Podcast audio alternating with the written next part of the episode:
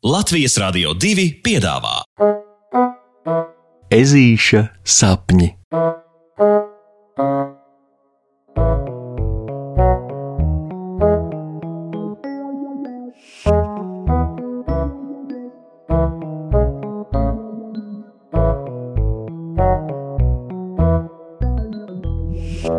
Ezīša zaļie pirkstiņi. Visi zina teicienu, ka ragavas labo vasarā, bet ratus ziemā. ja godīgi, tad ne par ratiem, ne ragavām puksītim īpašu viedokļu gan nav, bet lūk par augu stādīšanu gan.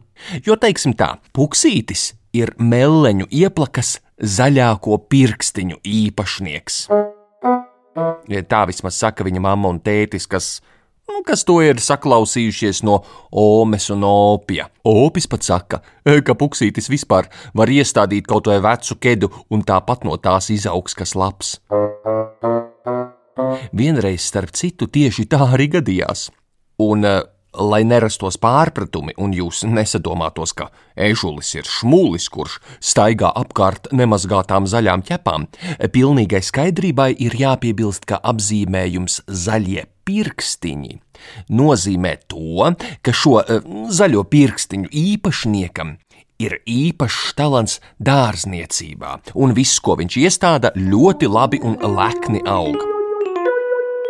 Tādēļ šīs dienas stāsts ir par to, ka atkal tuvojas pavasaris, un ežuļa vecvecāki jau laicīgi aizrunā mazo dārza darbu brīnumdari sev palīgos.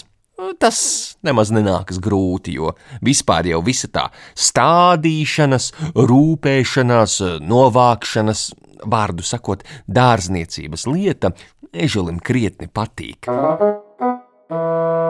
Iedomājoties tos brīnumus, ka no mazas, mazas apaļīgas sēkliņas izaug kaut kas jauns, gards un veselīgs, puksītim pār muguru pārcilpo prieka tirpiņas. Tā taču tiešām ir īsta burvestība. Un puksītis arī katru reizi sajūtās kā tāds īsts burvis, kad viņš izrakā zemē mazu bedrīti, kā tādu gultiņu, tad apmīļo un tajā ieliek sēkliņu, rūpīgi aizrokot bedrīti ciet un, un vēl aplaistot, un tad, un tad izpildot savu īpašo, fantastiski slepeno triku, kura dēļ ežulis ir drošs. Viņa iestādītās zemenes un burkāni aug griezdamies. Um, savu slepeno zaļpirkstiņu īpašnieka triku ežulis izkopis jau ir labi sen.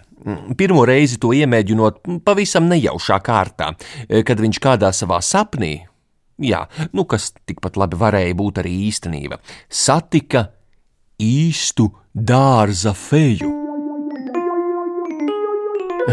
nu jā, protams, jūs teiksiet, ka tādu feju jau nu gan nav, ja? ka ir tikai zobu fejas un varbūt vēl šādas tādas fejas, bet ne jau nu dārza fejas. Taču, taču puksītim ir pierādījums tam, ka dārza fejas eksistē, turklāt tās zina, ko runā.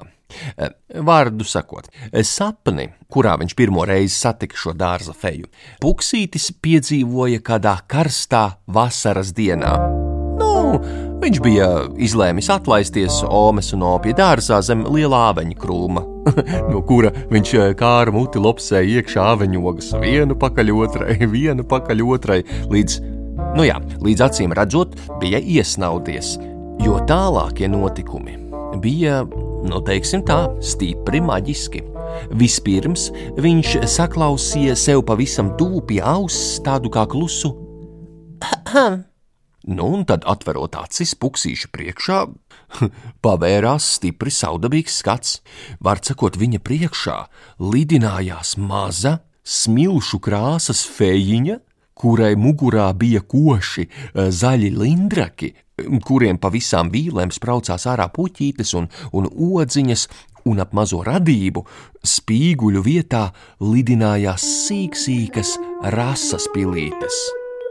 Jā, Ežulis apmulsis pievērsās kustonītim, kas viņu bija sapnī iztraucējis no lielās aveņu ēšanas. Paslepus ar acu kaktu meklējams, vai ome un opis arī nav kaut kur tūmā un šo visu neredz. Labdien! Puksīti uzrunāja feja. diezgan stipri turpinot jau pēc īsa mirkļa. Man, protams, ir milzīgs prieks, ka tev tik labi garšo aveņu ogas, jaunais ezīt. Tomēr, ja nu tās grasies tik raiti ēst, būtu labi, ja tu arī prastos iemācīties pāris dārza darbus. Ta, nu, tās jau ir pieaugušo lietas, tie dārza darbi. Puksītis izspēra pirmo, kas viņam ienāca prātā, un uzreiz dabūja to stipri nožēlot, jo mazā feja, acīm redzot par šo repliku, stipri noskaitās un iešļakstīja puksītim sejā veselu rasas piļu šalti. Šķaudīdams puksītis pat nesaprata ne rīta, ne vakara. Labi, labi, piedod, piedod. Es vienkārši, nu, es vienkārši nesaprotu, kas te notiek. Paga, es sapņoju. Uz šo jautājumu mazā feja vispirms atbildēja uzkrītoši nobolot acis. Domā, kā tev labāk tīk? Fejiņa nopurpināja. Bet, ja tu gribi ēst avenes, un zemenes un zaļos zirnīšus, tad labāk turpmāk ņem vērā dārza fejas padomu. Un atceries, ka arī tev ir par dārzu jārūpējas. Ā, labi. Ežulim sāka pamazām pielikt, ko dārza feja viņam grib ieskaidrot. Un turpmāk labāk palīdzi Omeju nopim dārzu pavasarī iekopt, un, ja tu gribi, lai tev viss izdodas īpaši labi, tad un dārza feja pielidoja puksītim pie auss un klusi iečukstēja ežulim kaut ko tajā. Ā, kaut ko tādu, no kā puksītim sanāca pat nedaudz smiekli. Taču kamēr ežulis smējās, tikmēr dārza feja uzmetot uz pleca puksītim vēl pāris rasas pilienus, jau bija pagaisusi no viņa acu skatiena. Un tieši tāpēc Puksītis nekad tā īsti nebija tapis gudrs. Viņa parādījās ezītim sapnī vai pa īstam, taču no tās reizes Puksītis katru pavasari, darbojoties dārzā, pie katras mazākās sēkliņas izpilda, nu, teiksim tā, savdabīgu rituālu. Viņš sēkliņu ieliek zemē, tad aizsūta tai gaisa puķu, piemiedz ar aci, uzmet vienu kūleni uz priekšu, divus atpakaļ un skaļi nokliedzas Mūžam zaļš. Jā, un beigās vēl palēkā ap izrakto dobīti platām kājelēm, mētājot tās uz abām pusēm kā vardulēns. Finālā sēkliņai paklinoties un tās bedrīti aizrokot ciet. un, ticiet vai nē, bet puksīšas stādītie labumi kopš tā laika vienmēr aug lieli un vareni.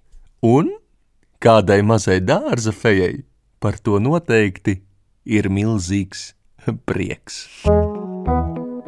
Pasakas beigas. Ar labu nakti, draugi!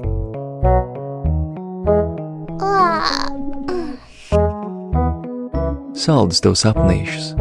Tiksimies rītdien!